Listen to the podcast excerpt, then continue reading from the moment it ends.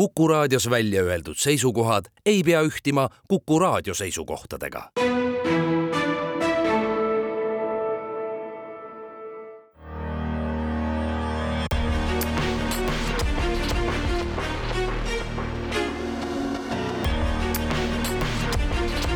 välismääraja tere kuulama Välismäärajat, mina olen Neeme Raud ja stuudios kogu saatetunni täna välisminister. saate salvestasime reedel, päev enne seda, kui Iisraeli rünnati ja peaminister Benjamin Netanyahu kuulutas, et riik on sõjas. tere päevast, Margus Tsahkna. tere päevast rahvusvahelises elus on üsna tormine sügis, palju on sellist, mille kohta öeldakse, et arengud otsustavad ilmselt kõik. kui palju Islandi väljakul Välisministeeriumis tunnetate, et arengud võivad olla ka sellised, mis meile ei meeldi, mis ei vasta meie nägemusele, kuidas asjad peaksid minema, kui näiteks Ukraina sõjast rääkida? tõepoolest, ega mingeid üllatusi ei ole, et me ju teadsime, et mida kauem sõda kestab, seda keerulisem on erinevatel põhjustel globaalselt selgitada, et mis siis ikkagi toimub et see sõjaväsimus on ju arusaadav, et kui meile enda Eesti inimestele juba tundub, et kui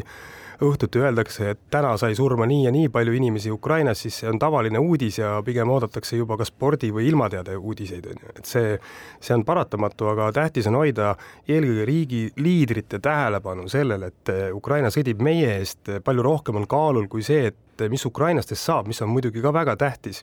ja ega ka ÜRO Peaassambleel see nädal, mis seal, mis seal oli, siis minu üks eesmärk oli mitte kohtuda ainult nende tavapäraste partneritega, vaid me tegime peaaegu kolmkümmend bilateraalset kahepoolset kohtumist riikidega, keda me väga harva näeme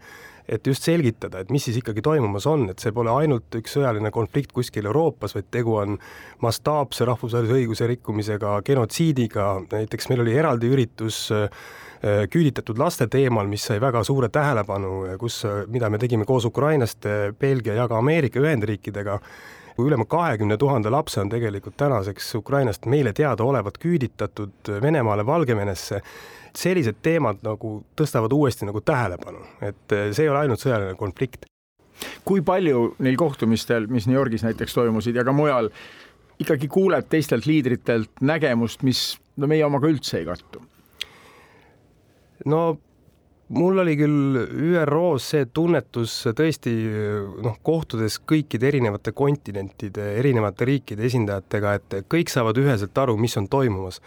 Need murenurgad äh, võib-olla on erinevad, et kui meie jaoks on äh, Venemaa agressioon selline käegakatsutav ja meie enda iseseisvust ja, ja enesemääramist ohustav tegevus, milles me oleme elanud ju selles teadmises ju viimased kolmkümmend kaks aastat,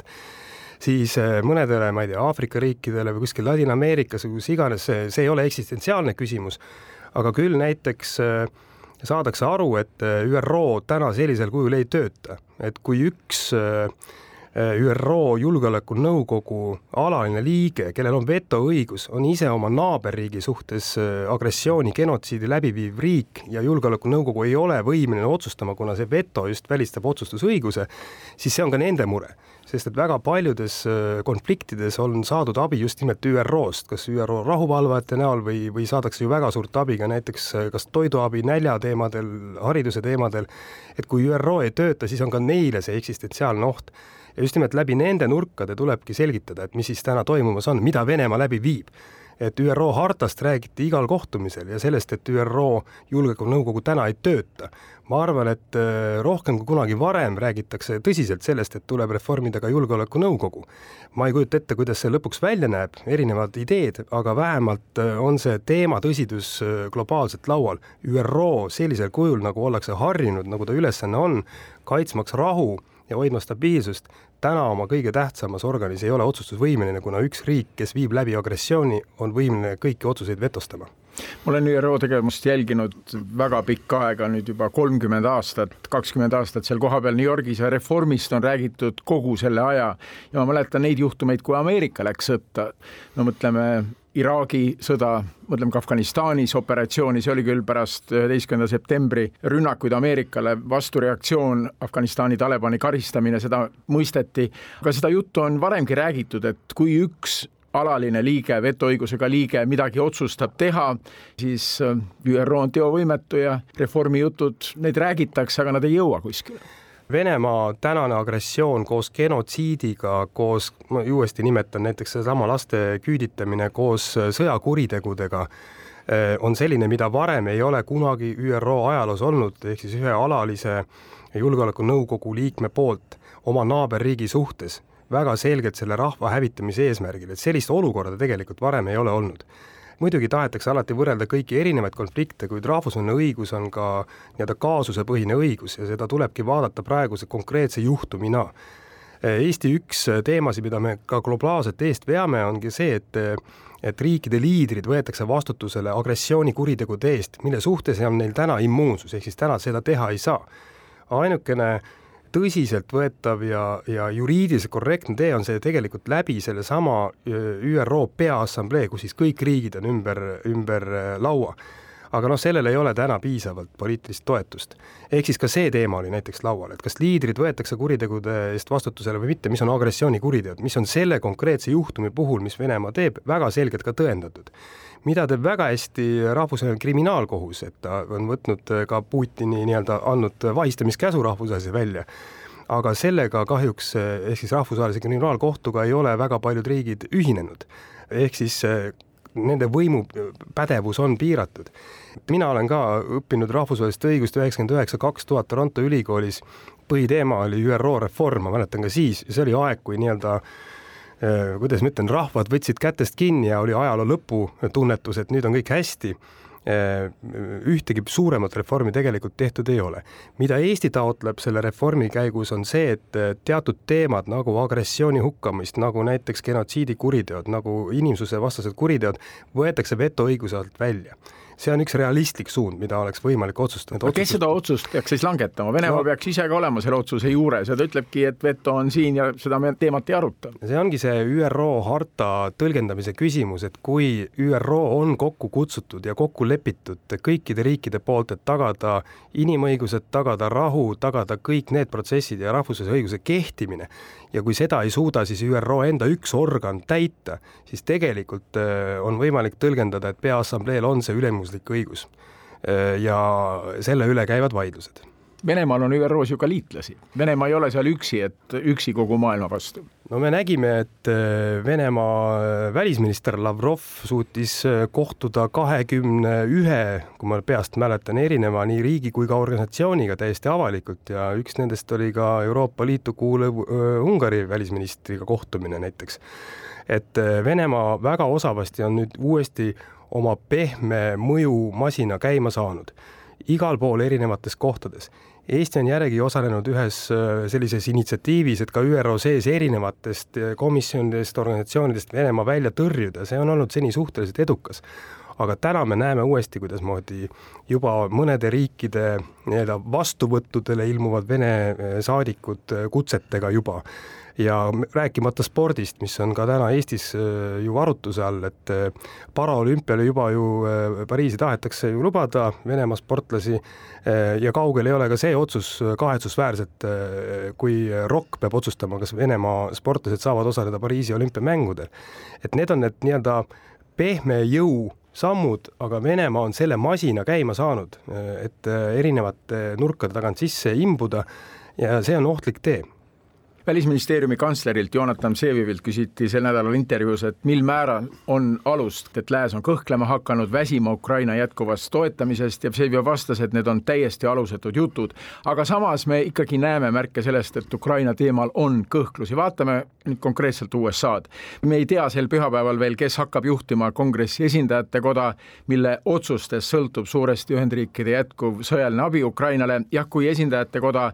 nädal tagasi suutis ära hoida USA järjekordse valitsuskriisi, et valitsus ei peataks tööd Ameerikas ja seda suudeti tänu sellele, et Ukraina abistamine jäeti leppest välja, siis lubati, et selles küsimuses langetatakse otsuseid üsna pea, aga nüüd on reaalne võimalus, et esindajate koda hakkab juhtima mees, kes ei leia, et Ukrainat peaks sama jõuliselt edasi abistama või üldse nii suurelt edasi abistama. jutt on esindajate koja justiitskomitee juhist Jim Jordanist, ta on häälekalt Ukraina edasise abistamise vastu. teine tõeline spiiker on ja see spiikri koht, kui mõelda, on USA presidendi asepresidendi järel Ameerika poliitilises hierarhias kolmas koht, on Steve Scalise, tema on küll abi andmist toetanud, aga New York Times kirjutab reedel pealkirjas esileheküljel opositsioon Ukraina abistamisel on saanud vabariiklaste parema leeri jaoks testiks ja midagi kindlat ei ole, et kas see abi jätkub. mida me sellises olukorras teeme? jälgime arenguid kõigepealt me peamegi aru saama sellest, et eh, mis on see kontekst Ameerika Ühendriikide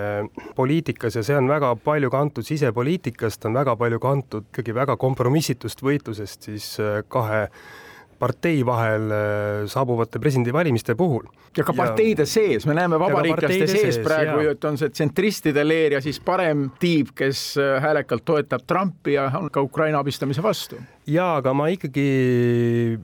ma olen veendunud, et Ukraina toetus äh, Ameerika Ühendriikide poolt jätkub nii sõjaliselt kui ka rahaliselt. milles see veendumus? sellepärast president nagu, Biden on nagu, kindlalt nagu, selle poolt. nagu te ise ütlesite, esiteks president Biden ja presidendil on tegelikult väga suur otsustusõigus ja, ja ka on need sõnumid tulnud, et kui äh, näiteks ka äh, nii-öelda esindajate koja otsused jäävad toppama erinevatel põhjustel, siis on olemas presidendil endal juba otsustatud fondide üle otsustusõigus, et rahaline toetus jätkub ja ka sõjaline toetus, mis on väga palju presidendi otsustuse all. pigem annab mulle julgust see, et tõepoolest erinevates parteides on Ukraina toetus ju olemas et pigem nüüd, kui see debati tähelepanu ei lähe mitte just nimelt sellele majandusliku, rahanduslikule otsusele, kus siis süüdistatakse ühtepidi, et president pole hakkama saadud, ollakse nii suurtes võlgades ja ei suudeta oma igapäevaste maksetega toime tulla, ja nüüd hakatakse rohkem rääkima, et aga selle käigus ka lõpeb ära Ukraina toetus, siis ma millegipärast arvan, et Ameerika inimesed ei ole valmis seda liini toetama. Ja seda loetakse väga hästi täna ka ikkagi eh, poliitikute tasemel, mida avalik arvamus eh, arvab. avaliku et... Eh, arvamuse küsitlusi on mitmesuguseid, CNN-i küsitlus augustis näitas, et üle poole ameeriklasi leiab, et Ukraina finantsiline abistamine, jätkuv abistamine on mõttetu jaa, aga ma arvan ka seda, et kui üha enam see reaalsus jõuab kohale, et äh, saadakse aru järjekordselt, et äh, kui täna ei abistata Ukrainat, kes võitleb Venemaa vastu, siis tulevikus tegelikult see hind ka Ameerika Ühendriikide kodanikele endale maksumaksjatena läheb palju kõrgemaks. kas ameeriklased saavad sellest aru, ameeriklased ei mõtle välispoliitikale oma igapäevaelus, neil on raske, riik on ise suures korralageduses praegu. No ma olen ise ka seal Ameerikas elanud maailmas vabaduse ja õigluse eest võitlemine on ikkagi Ameerika kodanikel veres, kui seda osatakse ka õigesti käsitleda, kui ta satub uuesti fookusesse. ma lihtsalt väidan seda, et see Ukraina pidev abistamine, see ei ole olnud nii palju fookuses, kui palju võib-olla siseriiklikud probleemid ja selline noh, ütleme siis väga kompromissitu võitlus, noh kas või see, et Trumpi vastased süüdistused, Bideni poja vastased süüdistused, ma arvan, et need on katnud oluliselt rohkem seda uudiste tähelepanu, kuna need on, need on nii-öelda väga lähedal ja, ja mõnes mõttes väga seksi klassikad teemad, on ju aga kui tulevad uuesti fookusesse see, et kas Ameerika rahvas jätab Ukraina rahva hätta Venemaa vastu, Venemaa agressiooni alla, genotsiidi alla, siis ma arvan, et see, see, see nii-öelda toetus pöördub pigem Ukraina toetuseks ja, ja täna mul ei ole põhjust kahelda president Bideni sõnades, et eh, USA jätkab toetamist, kompromissitut toetamist ka ÜRO-s, ÜRO Peaassamblee nädala raames toimus meil nii-öelda transat-, transatlantiline õhtusöök, mille andis välisminister Blinken, kus siis olid mitte ainult Euroopa Liidu ja NATO välisministrid, vaid ka erinevad teised Euroopa Liidu välisministrid ja ja noh, see sõnum oli väga selge, et mitte mingisugust kõhklust ei ole. ma tulen korra tagasi selle juurde, et mida Venemaa kasutab, tõepoolest kõiki neid sõnumeid on võimalik tõesti ka öelda, et nüüd lääs kõhkleb, kahtleb, sinna juurde näiteks ka siseriiklikest äh, debattidest kantud Poola nägelus nii-öelda Ukrainaga või siis Slovakkia valimistulemused. Ja paratamatult äh, kui me oleme üle pooleteise aasta rääkinud ja võtnud iseenesestmõistetavat Ukraina toetust ja kui selles äh, raudses liinis keegi midagi teist kommunikeerib, siis see on uudis ja sellega tegeletakse. et see on see paratamatu isetootav kommunikatsioon. meie asi on väga selgelt öelda ei, äh, jätkame kuni lõpuni Ukraina võiduni, Ukraina toetamist. ja ma ma ei taha siin küll öelda, et keegi kuidagi väsinud on, et aga selgitusi on vaja anda ja rohkem tegeleda tõepoolest äh, sellega, et veenda inimesi või uuesti meelde tuletama, et see sõda ei ole nagu sõjafilm, mida ma olen mitmes kohas öelnud välja, et see ei ole, et täna on juba kaks tundi ja kümme minutit kestnud ja, ja nüüd peaks tulema nii-öelda õnnelik lõpp ja, ja sangarid tulevad lõpuekraanidel siis eetrisse, see on kahjuks pikaajaline sõda, me ei tohi väsida. Ja kõige halvem, mis saab juhtuda, on tõesti see, et mingil hetkel sõlmitakse mingisugune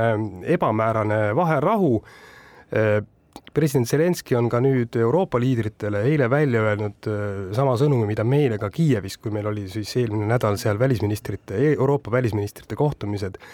et ka neil on analüüs, mis ühtib meie enda arusaamisega, et kulub mõni aeg, mõni aasta, kui Venemaa taastab oma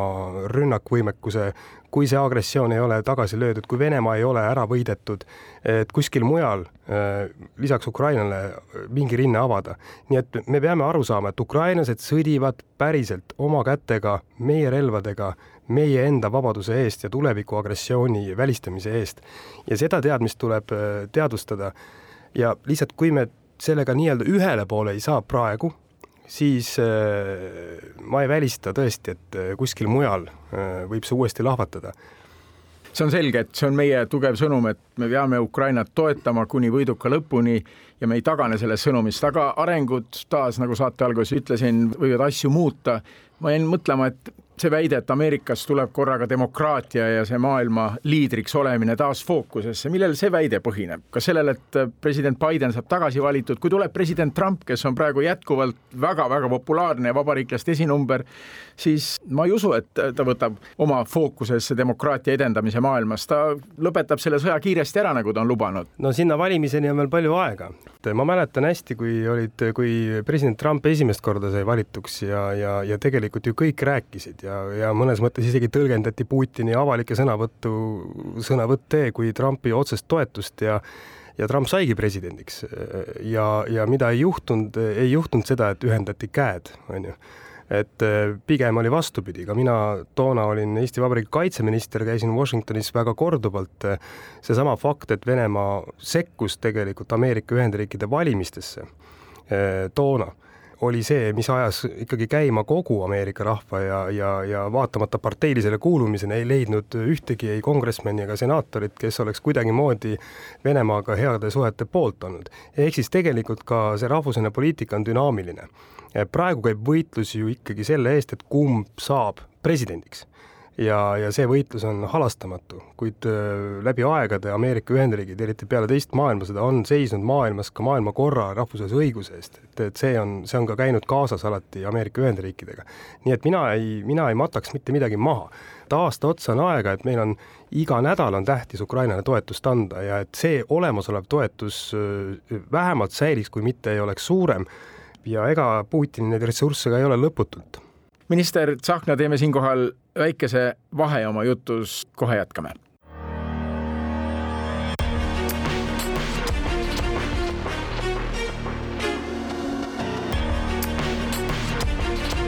välismääraja. välisminister Margus Tsahkna täna terve tunni Välismäärajas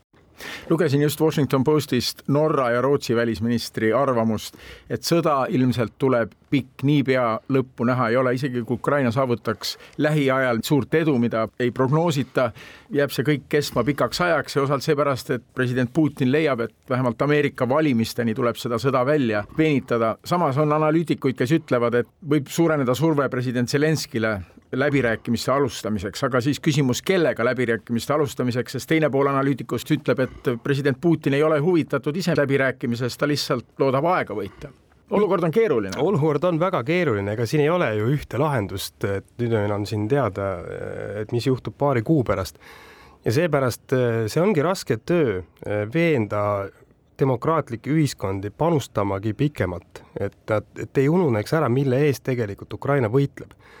meil on see tõesti lihtsam, aga võib-olla Ameerikas on keerulisem, kuskil mujal äh, on, on keerulisem, et see ei ole nii-öelda praktiline küsimus, noh, tundub, et ega meie oleme siin kindlas kohas, aga tegelikult ei ole.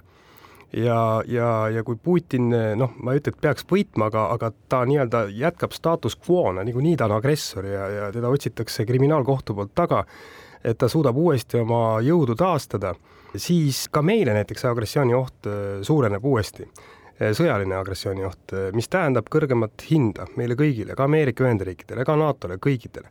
nii et eh, tähtis on anda see sõnum, et me peame praegu Ukrainat toetades saama selle agressioonihimulise Venemaaga hakkama.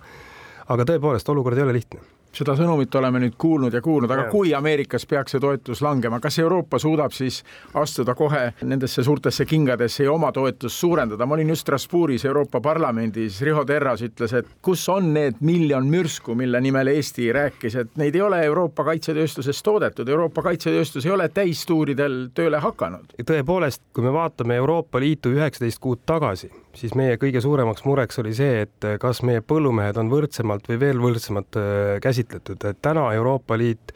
tõsiselt tegeleb äh, sõjalise abi andmisega kolmandale riigile, kelleks on siis Ukraina. Ja samamoodi on ju otsustatud needsamad suured rahasummad, näiteks Euroopa rahurahastu on selle asja nimi kus mitte ainult ei anta siis ka sõjalist või rahalist toetust äh, Ukraina kaitsele, vaid ka investeeritakse iseenda kaitsevõime ja tööstuse arendusse. aga see tööstus ei tööta veel täistuuridel? Äh, eks see võtab aega, nii nagu Euroopas asjad käivad, et kui lõpuks ikka ära otsustatakse, küll ta, küll ta käima tõmmatakse. aga minu mure on pigem see, et Euroopa Liidu enda otsustusmehhanismid, mis puudutavad näiteks ka sealsamas rahurahastus, on ammu ära otsustatud, raha on olemas, viissada miljonit eurot Ukrainale toetuse andmist see nõuab konsensusotsust, üks riik on selle blokeerinud tänaseks. Ungari. Ungari. mure on selles, et me Euroopa Liiduna küll suudame raha ette näha, siin on äh, kõrge välisesindaja Borrelli ettepanek nüüd järgmiseks viieks aastaks kakskümmend miljardit läbi rahurahastu on ju, pluss siis see pikaajaline nii-öelda Ukraina programm, mis on äh, viiskümmend, viiskümmend miljardit on ju, mis peaks tulema novembris äh, Äh, otsustamisel, et meil ei ole probleemi, et me ei nõustuks selle rahaga, vaid küsimus, kas me suudame tegelikult siis need otsused viia ellu. Ja see on see asi, mille üle me Euroopa Liidus peame väga tõsiselt äh, nii-öelda kukalt kratsima ja tööd tegema, et igal juhul Euroopa roll äh, nii julgeoleku tagajana kui ka julgeolekustruktuuri osana peab tõusma, sest et eh, senine roll, eh, kui me näeme, et Venemaa on tegelikult reaalselt läbi viimas agressiooni Ukraina suhtes, ei ole suutnud eh, Euroopas rahu tagada, küll Euroopa Liidus on tõepoolest rahu tagatud. aga meie roll on ka ikkagi vaadata kaugemale, koos NATO-ga ikka kuulan seda Eesti sõnumit, et me peame olema Ukraina selja taga ja peame olema vankumatud, aga meie väikeriigina peame arvestama ka oma poliitilist kaalu. me võime küll öelda, et kõik Euroopas räägivad Venemaa ohust samamoodi nagu meie alati oleme rääkinud, et Euroopa räägibki meie jutupunkte ja ka USA-s osa poliitikuid räägib meie jutupunkte samas ikkagi peame endale aru andma, et me ei saa oma varjust üle hüpata ja hakatagi tundma, et meie siin kujundame maailma Euroopa arvamusi, et meie olemegi ainsad nutikad, targemad. muuseas, me, ma võin öelda, saladuskattel ei ole ainukesed, et pigem me tavaliselt äh, keskendume oma tähelepanu siis äh, mõnele kes ei ole meiega sarnasel seisukohal. räägime kasvõi sellest samast Ungarist, kellel on erinevad seisukohad, kes on blokeerinud teatud otsuseid, räägime kas või näiteks eh, Poola noh, erinevate inimeste väljaütlemisi, teades väga hästi, et see on seotud eh, nüüd juba vähem kui kahe nädala pärast toimuvate valimistega, et Poola kaheldamatult jätkab Ukraina toetamist, eh, meil ei ole mingit kõhklust, aga me ei räägi sellest, et kõik ülejäänud riigid, Euroopa Liidus näiteks, täiesti kompromissitult toetavad Ukrainat, ehk siis tegelikult see see nii-öelda see rinne on ikkagi päris võimas võrreldes sellega, kus me olime üheksateist kuud tagasi. nüüd Eesti mitte ei pea hüppama üle oma varju, vaid meie roll täna ongi palju suurem võib-olla, kui me olid mõned aastad tagasi, sest et paratamatult eh, meil on olnud õigus eh, kõiges selles, mida meie välispoliitika on öelnud viimased kolmkümmend aastat, vähemalt viimased kakskümmend aastat, on ju. et eh, aga me peame tunnetama seda piiri et, et, et meid ei võetaks kui lihtsalt äh, paanilist äh, nii-öelda Venemaa naaberriiki, aga me oleme oma tegudega ka näidanud, et me ise panustame väga palju, me oleme nii-öelda ühe inimese kohta vist kõige rohkem panustav riik, äh, kui mitte maailmas, siis vähemalt Euroopas, see on üle ühe protsendi SKP-st. oleme me andnud Ukrainale sõjalist abi samamoodi me näitame oma tegudega, näiteks äh, järgmise nädala neljapäeval on valitsuses äh, minu poolt viidud seaduseelnõu, millega me loome esimest korda Euroopas õigusliku aluse, kuidas võtta kasutusele Venemaa külmutatud varad mis on päris ja päris jõhker samm, äh, mis puudutab siis Venemaa oligarhide ega Venemaa enda sõjamasina äh, haldamist, et tegelikult panna juba sõja ajal Venemaa maksma äh, Ukraina nii-öelda ülesehituskulude eest, selle vastu on väga suur huvi. kas või näiteks väiksed asjad, et ma just tulin Ukrainast, me avasime silla enne seda lastekodu, me teeme nüüd järgmised äh, projektid on orbude kodud ja me oleme üks väheseid riike, kes on sõja ajal suutnud päriselt mingisugused infrastruktuuriobjektid koos omavalitsuste, regioonide, erasektoriga üles ehitada. ehk siis me ei ole ainult need, kes, kes käivad ja räägivad, meid, me ka teeme ja loome neid äh, skeeme, loome neid protsesse ja oleme valmis kõigile ka neid lahendusi pakkuma. Ja ka see, et me näeme ette järgmiseks neljaks aastat iga aasta üle kolmekümne miljoni erinevaid vahendeid oma väga raske eelarve puhul, näitab seda, et on võimalik teha otsuseid. me ühinesime G7 deklaratsiooniga just nimelt, et näidata ka, et me oleme pikaaegsed panustajad, kuigi keegi ei kahtle, et Eesti panustab. nii et ma arvan, täna ongi Eesti välispoliitikale ja julgeolekupoliitikale rahvusel tasemel väga suur väljakutse, aga ka võimalus, sest et kõik see, mida me oleme aastaid rääkinud, on kahjuks realiseerunud ja mis on hästi oluline, et meil on see moraalne äh, pinnas või see, või see vundament, mille pealt me räägime, on, on, on väga tugev. Äh, me peame lihtsalt oskama seda keelt ja näitama tegudega, et äh, ja meie mõju on täna päris suur. me ei käi dotseerimas, me ei käi õpetamas, me ei käi näägutamas, et vaadake, mis me ütlesime, et nüüd on see käes vaid me ütleme, et on võimalik teha praegu. praegu tuleb langetada otsuseid, tuleb langetada ka väärtusotsuseid, ilma igasuguse naljata, et äh, siin on kõlanud erinevaid argumente, et mis me tegeleme nende liidrite kuritegudega, mis me tegeleme Putini agressiooni kuritegudega, et noh, küll ta võetakse niikuinii vahi alla lõpuks äh, nende lastevastaste kuritegude eest, aga see on väärtusotsus ja me oleme siin jätkuvalt väga selgel seisukohal, kuigi väga paljud ka suured riigid ütlevad, et ärme tegeleme sellega praegu, tegeleme sellega hiljem. meil on need argumendid olemas ja me proovime neid esitada hästi põhjalikult, läbimõeldult äh, ja näidata oma tegudega, et me suudame ka keerulise näiteks äh, Euroopa Liidu õiguse raames leida need lahendused, mis on õigusriigipärased, aga sanktsioneerivad äh, reaalselt Venemaad, paneb Venemaa maksma. üks küsimus veel täpsustuseks külmutatud varade seaduse kohta, kui Eesti selle nüüd vastu võtab, siis Eestist saab mõnes mõttes näidisriik. meie oma rahvusvahelise õiguse eksperdid, Lauri Mälksooga oli mul pikk intervjuu sel teemal, ütlevad, et siin on palju ohukohti, et korraga hakkab siis ka Venemaa meie varasid ära võtma ja, ja kas riigid tahavad osaleda selles mängus, et tit for tat see on teema, mille suhtes ollakse ülimalt ettevaatlikud, aga ma noh, äh, professor Mälksot tunnen isiklikult väga-väga hästi, me koos kunagi õppisime kõike seda. Äh, tõepoolest, aga Venemaa võtabki täna meie varasid ära, meie, meie ettevõtteid natsionaliseeritakse. Venemaa ei ole õigusriik, et selles mõttes me ei tohi sellest käitumisest kuidagi lähtuda teiseks, Venemaa on agressorriik. meie maksumaksjad täna maksavad selle eest, et toetada Ukrainat ja üles ehitada seda, selle, seda peavad tegema Vene inimesed. me loome selle õigusliku ja juriidilise aluse, kuidas seda teha ja ma tahaks näha, et kui siis me oleme siis esimene riik. me oleme esimene riik Euroopas, Kanadas on olemas selline nii-öelda struktuur, kuidas seda teha, aga see õigussüsteem on Kanadas teistsugune kui meie kontinentaal-Euroopa õigussüsteem aga Ees-, Euroopas on olnud poliitiline soov ja kõik räägivad, aga keegi pole ühtegi sammu astunud. ja ma tahan öelda ka seda, et Eestis on vaja see õiguslik vaidlus läbi pidada. esiteks, Eesti põhiseadus on hästi konservatiivne, ta kaitseb eraomandit eh, nii-öelda absoluutselt. nüüd on küsimus, kas meie välja mõeldud skeem tagab selle kaitse, et ta ei läheks põhiseaduse vastaseks ja teiseks on siis see, et see on üles ehitatud rahvusvahelisel koostööl, et ma võib-olla kunagi tulen pikemalt selgitama, see on üks pikk jada aga, aga see puudutab siis Euroopa Nõukogu juures toimuvat kahjude registrit, see puudutab Eesti-Ukraina ühist lepingut, see puudutab sellist, see on, see on puhas selline rahvusvahelise õiguse skeem. aga meie, meie, meie juristid on lähtunud just nimelt sellest, et Eesti põhiseadus on üks karmimaid Euroopas tegelikult, mis kaitseb eraomandit. me peame läbi tegema kogu selle protsessi Riigikogus, põhiseaduse vastavuse protsessi nii õiguskantsleri kui ka presidendi poolt, kui vaja, peame vaidlusi Riigikohtus, saame need tõlgendused. Ja ma olen kindel, et kui Eesti võtab selle seaduse vastu ja me seda rakendame, siis need kaasused antakse kuni Euroopa Liidu Inimõiguste Kohtuni välja, aga seda ongi vaja, kas või selguse loomiseks ma olen täna veendunud, et, et meie lahend on õige, aga juriidilised lahendused lõplikult ja tõlgendused antakse ikkagi läbi õigus äh, nii-öelda selle protsessi kuni kohtuni välja. et tegelikult on ees pikk protsess, kiiret sellist oleme number üks Euroopas ei tule? mina ei olegi taotlenud, et me oleksime lihtsalt number üks, aga lihtsalt me teeme selle selgeks ja kui kõige lõpuks selgub, et tõepoolest seal on mingisugused juriidilised agad, siis tegeleme nende agadega, aga mitte lihtsalt ei, ei istu ja ei oota. ma ütlen nüüd väga ausalt, et kas te kujutate ette, et needsamad Vene oligarhid, needsamad see, see, see, see, see liidrid, kellel kõigi rahad on kanditud kuskile Euroopasse, kuhu iganes, on ju, nad saavad ju täitsa normaalselt tänasel Venemaal hakkama, nad ei saa võib-olla reisida siia Euroopasse ega mingitesse riikidesse, aga nad teavad, et ühel hetkel saabub päev, kui nad kõik oma varad ka, mis on külmutatud, saavad tagasi see sõnum, et on olemas juriidiline skeem ja praktika, et tegelikult need varad võetakse ja kasutatakse Ukraina jaoks ja nad saavad nende varade asemel nõudeõiguse Venemaa enda vastu. see on see skeem, mille nad peavad siis ise kinni maksma. see on see, mis häirib neid väga palju ja tegelikult äh, ka president Putin äh, siin mõned nädalad tagasi on välja andnud ühe korralduse,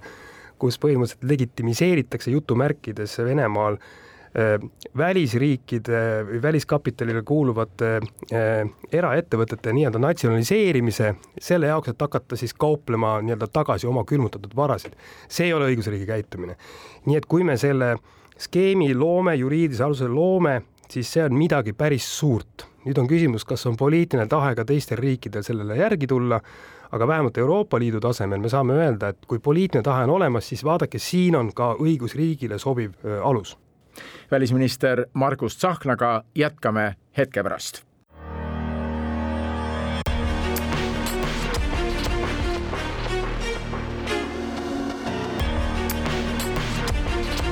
välismääraja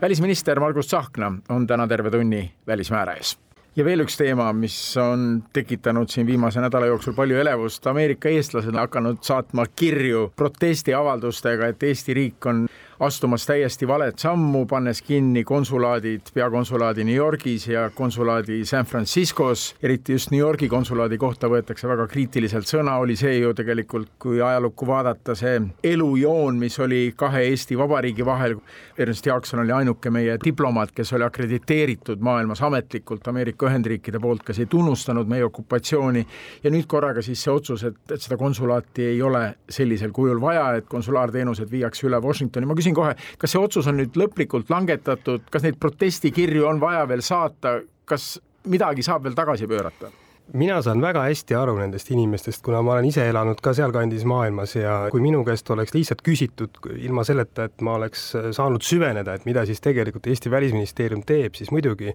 alati ütleks, et ei, me ei pane kinni nii-öelda konsulaati, aga ma tahan öelda, et eh, nendel inimestel on õigus oma pahameelt väljendada, ka mina saan neid kirju ja me vastame kõigile nendele kirjadele nii, nii kiiresti, kui me vähegi suudame, et selgitada selle otsuse tagamaid. aga otsus on langetatud, see on küsimus? langetatud, jah seal on mitu aspekti, et kõigepealt ma tahan rahustuseks öelda seda, et äh, esiteks Ernst Jaaksoni äh, pärand on see, et Eesti riik on täna vaba, olemas. me oleme esindatud Ameerika Ühendriikides oma saatkonnaga, meil on ÜRO-s oma esindatus, meil on olemas kõikidele Eesti inimestele tagatud konsulaarteenused, kultuurivahetus, äridiplomaatia ja nüüd ka praktiliselt äh, teine pool on see, et et New Yorgis või sealkandis olevatele inimestele kuidagimoodi ei muutu tegelikult selle teenuse kättesaadavus Eh, kes tegelikult teab, et ei ole see, et me paneme kinni nüüd mingisuguse ajaloolise hoone, vaid tegelikult seesama ruum, kus konsul, konsul, konsuli, konsul oma teenuseid osutab, et kõik need jäävad kõik samaks. me katame seda teenust lihtsalt eh, Washingtonist, aga inimestele ei muutu mitte midagi, lisaks võetakse tööle veel üks lisatöötaja äridiplomaatia võtmes äridiplomaat ei istu ühes kontoris, ei istu seal konsulaadis, äridiplomaadi ülesanne on luua sidemeid, viia ettevõtteid kokku, pidada läbirääkimisi ja seda võimekust me tõstame. ja nüüd, mis puudutab San Francisco konsulaadi poolt, need otsused langesid alles mõned aastad tagasi ja see konsuli teenuse mõttes ta ei läinud käima, ei olnud ka sellist vajadust, küll aga me tugevdame koos EAS-iga ehk siis Majandusministeeriumi all olevate äridiplomaatidega meie kohalolu ja suuname ka eelkõige LA suunas ehk siis Los Angelese suunas, kus on olnud meie ettevõtjate pool poolt olnud soov, et seal võiks olla rohkem nii-öelda riik kohal just nimelt nagu äri mõttes. nii et tegelikult me nendes rasketes oludes korraldasime oma tegevust ümber, sest et mul kui välisministril oli valik, kas ma panen kinni mõne noh, ütleme kuni kaks saatkonda mõnes riigis või me korraldame kogu Välisministeeriumi tööd ümber. ja ma tahan ka öelda inimestele, et et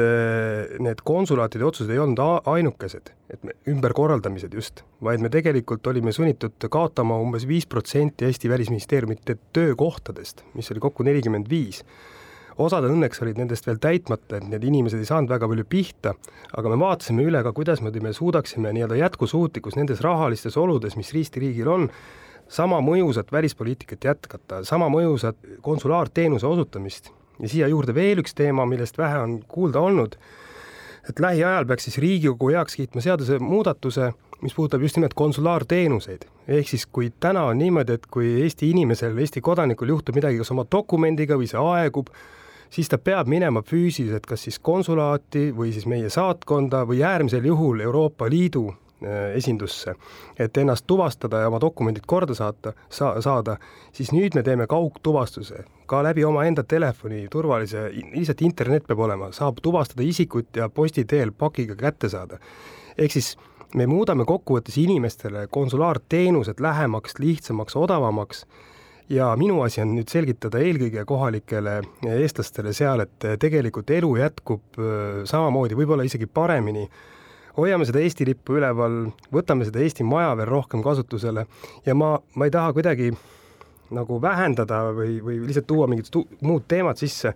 ma olin ise just New Yorgis ja ma olin Eesti Maja saamise no ütleme kuulajatele, et Eesti Maja ei ole seotud Eesti riigiga, see on eraorganisatsioon. see on ja, ja aga ma lihtsalt ütlen, et see on tegelikult see sümbol, see on see väärtus, kuhu ka riik peab panustama nagu kasvõi üritustega, millega iganes. Neil ei ole muretsemiseks põhjust ja, ja need, need muudatused ei puuduta nende igapäevast, igapäevaseid toiminguid ja asjad muutuvad, aga siin on tulnud väga konkreetseid küsimusi, räägitakse sellest, et Eesti praegune suursaadik ÜRO-s on üürinud väga kalli residentsi ja seetõttu, kuna New Yorgis on kinnisvarahinnad ja üürihinnad niivõrd kõrged, tuleb sealt viia osa diplomaate Washingtoni üle, et seda analüüsitakse nüüd väga erinevalt, mikspärast Eesti selle otsuse langetas, et, et kuidas seda raha siis kokku hoitakse? no Eesti välispoliitika mõjusus ongi kallis et ta on, ta on, aga ta on odavam kui, kui kaitsepoliitika ja kaitsevõime pidamine. ehk siis, kus me kohal oleme, minu hinnangul me peame andma maksimaalselt head teenust. kui räägitakse New Yorgi või ÜRO suursaadiku residentsist, siis selles residentsis saab teha päriselt ka äh, suurejoonelisi äh, kõrgetasemelisi kohtumisi, kus varem ei saanud näiteks teha. kas Rein Tammsaarele üüriti siis loss seal New Yorgis? ei, ei ole mingit lossi, ma käisin ise seal kohal, lihtsalt on see, et varasemalt näiteks suursaadiku residentsis ei olnud võimalik mingisuguseid üritusi korraldada, see on meie esindusruum, kus elab ka suursaadik, kelle kodus tegelikult tehakse Eesti riigi välispoliitikat näiteks. ma, ma tean neid erinevaid lugusid, kõik sellised otsused, mis needsamad kärpeotsused, nad, nad ei ole mugavad ju mitte kellelegi, aga tulebki ära selgitada üks, ühekaupa, et mis siis selle tagamaa on. Ja eesmärk on ikkagi see, et Eesti välispoliitika oleks mõjus, ta oleks esinduslik, me suudaksime jätkata nende kvaliteetsete inimestega, on otsustatud ju, et järgmiste aastate jooksul eh, nii-öelda avaliku sektori palgatõusu fondid kõik külmutatakse, elu läheb välismaal kallimaks, noh, ma võin tuua kas või näite, et me muudame ju uuesti ju välisteenistuse seadust, kuidas ma siis ütlen, diplomaatide abikaasade kulud riigieelarvesse suurenevad oluliselt, seal me suutsime teha totaalse läbimurrangu, ehk siis need on riigieelarve mõttes arvestuslikud, et enam see ei võeta iga aasta, mis lähevad kallimaks eh, kuskilt Välisministeeriumi tegevuste pealt, vaid see on läbimurrang, mis ma ütlen, et mis me saavutasime, aga see ei puuduta puuduta muidugi raadiokuulajaid, vaid see on eelkõige see, et meil on mõnes mõttes parem seis. kuni selleni välja, et äh, Ukraina abistamine, Ukraina ülesehitamise protsess, kus ma olen öelnud välisministrina, et Eesti peab olema seal suurte riikide laua taga oma väikese eelarvega, oma väikeste võimekustega, aga oma usaldusväärsusega, järgmised neli aastat on garanteeritud. neliteist miljonit igal aastal puhtalt neid projekte, mida me seal teeme, needsamad sillad, lasteaiad, orbude kodud, mis on, mis toovad meile väga suurt tähelepanu ja võimekust, ja teine on siis läbi nende garantiisüsteemide, et garanteerida meie ettevõtjate minekut ja investeeringut Ukrainasse. see on see, mille me suutsime läbirääkimistel saavutada ja see toob lõpuks Eesti majandusse palju rohkem tagasi, nii et see pilt on palju kirevam aga tõepoolest äh, on ka halvad, ebapopulaarsed otsused ja ma olen valmis neid ka selgitama aga otsus on langetatud, nii et otsus põhimõtteliselt ei ole mõtet saata edasi kirju ja avaldusi ja üleskutseid, et muutke oma otsus ära, otsus on langetatud. otsus on langetatud, see on hästi põhjalikult läbi mõeldud. Äh, ma ei taha seda otsust keerata niipidi siis, et olla populaarne, nüüd muuta otsust tagasi ja siis hakata mõnda saatkonda kinni panema Eesti riik on pannud viimaste paarikümne aasta jooksul mõned saatkonnad kinni, uuesti lõpuks avanud, sellepärast et meil ei ole täna ühtegi riiki, kus me ei pea olema kohal, pigem on riike, kus meid veel ei ole. kogu Ladina-Ameerika? kogu Ladina-Ameerika, kogu Aafrika tegelikult, meil ei ole Aafrikas ühtegi nii-öelda suursaatkonda. Kairo meil ikkagi on ju ja, ja aga ma räägin noh, selles mõttes noh, ütleme vaadates kogu kontinenti, siis noh, meil ei ole sellist, sellist saatkonda, mis võiks olla, mille suhtes tehti palju tööd, aga meil ei ole ressurssi seal seda avada, see ei ole ainult raha küsimus, see on mitte nii-öelda maja mõttes, vaid saatkond tähendab inimesi, tähendab turvalisust, tähendab turvameetmeid, kõike seda poolt. Ja ka tähendab seda, et kui me ükskord midagi avame, siis me ei ole tõsiseltvõetav riik, kui me paneme vahepeal kinni, teeme uuesti lahti ükspuha millises riigis oma saatkondi. kahjuks on neid otsuseid tehtud me oleme ümber korraldanud oma tööd kogu ministeeriumis, konsulaarteenustes, äridiplomaatias ja üks nendest tulemustest on sealsamas New Yorgis, San Franciscos, aga mitte kvaliteedi mõttes. toon siia saatesse veel mõned teemad. sõitsin sel nädalal Strasbourgi ja Helsingi lennuväljal sattusin lugema The Economisti esikaant, mis ütleb, et Euroopa Liit peab laienema ja, ja siin räägitakse väga jõulisest laienemisest, et tuleb kahekümne seitsmelt liikmesriigilt lausa kolmekümne kuueni laieneda, et kõik tuleb vastu võtta, et Euroopa praegu tegeleb ka nende teemadega tõepoolest, Euroopa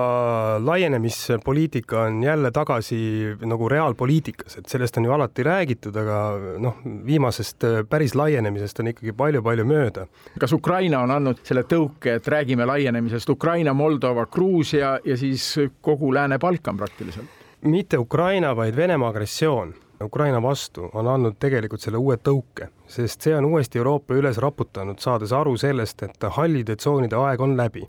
nii nagu NATO on üles ärganud uuesti. kas või see, et Rootsi rahvas otsustas äh, ühineda NATO-ga, äh, kolmsada aastat laias laastus neutraalsuspoliitikat pandi nii-öelda kõrvale, saadi aru, et Venemaa on päris agressioon. on saadud Euroopa Liidus ka aru, et need hallid tsoonid ohustavad Euroopat, see paneb Euroopa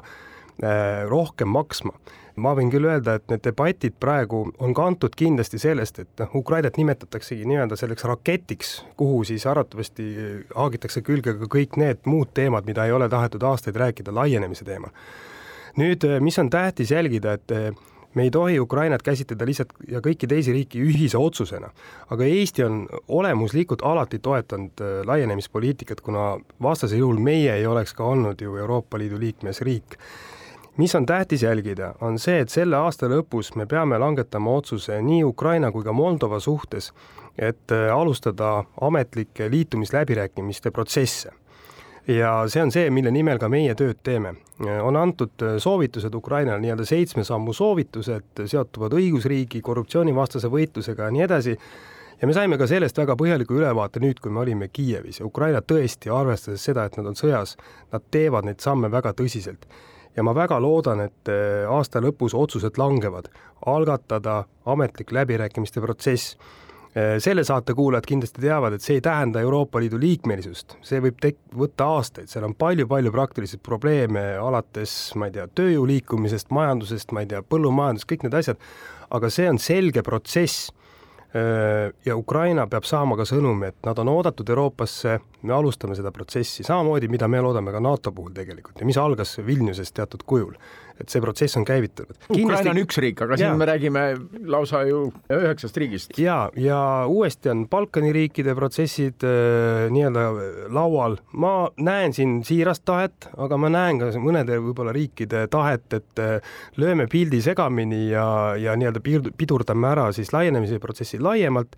no me peame rääkima tõesti, et mis on Gruusia tee edasi, on ju, ja, ja nii edasi. aga meie poolt vaadatuna see, et see teema laienemine laiemalt on laua peal, on ülimalt positiivne. meie siin advokeerime selle poolt, et laienemisdebatt või arutelud oleksid võimalikult konkreetsed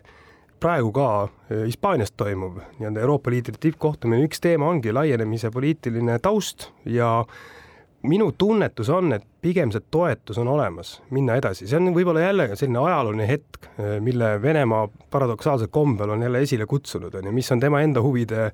vastane olnud, nii nagu ka NATO laienemine. nii et see laienemine, kui ta toimuks ja tuleks, siis ta tuleb sellise suure hüppena, et praktiliselt kogu Euroopa kaart, hallid tsoonid kaovad ära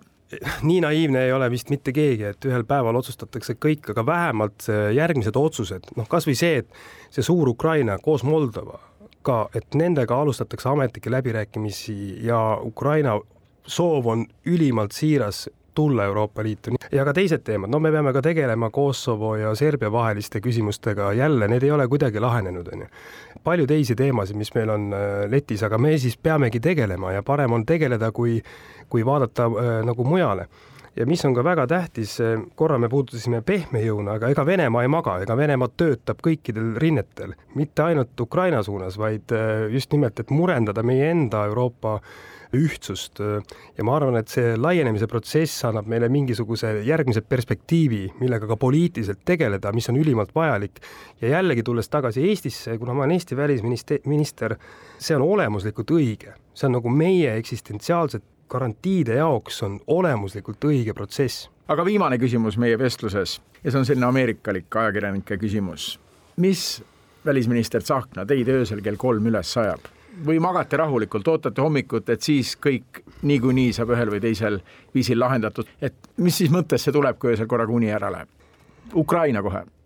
tegelikult viimasel ajal küll, eriti nüüd, kui ma Ukrainast tagasi tulin, et täna öösel ma ei ärganud küll mitte Ukraina mure pärast üles, aga minu naabermajas läks peale signalisatsioon kuskil kell pool viis ja ma ei läinud pärast magama, sest ma päriselt mõtlesin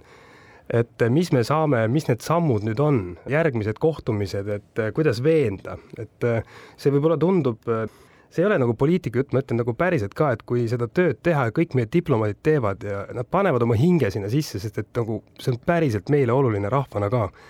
et sa mõtled selle peale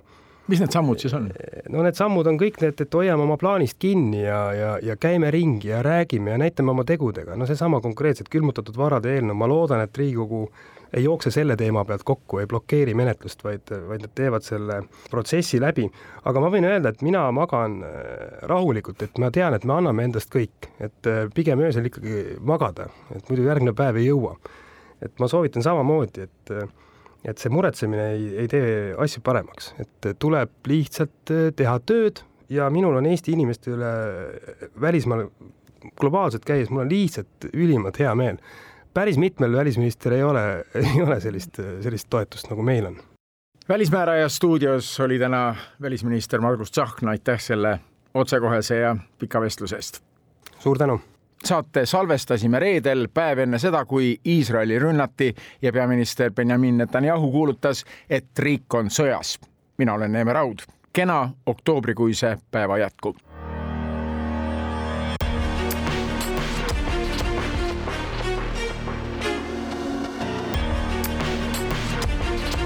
Välismääraja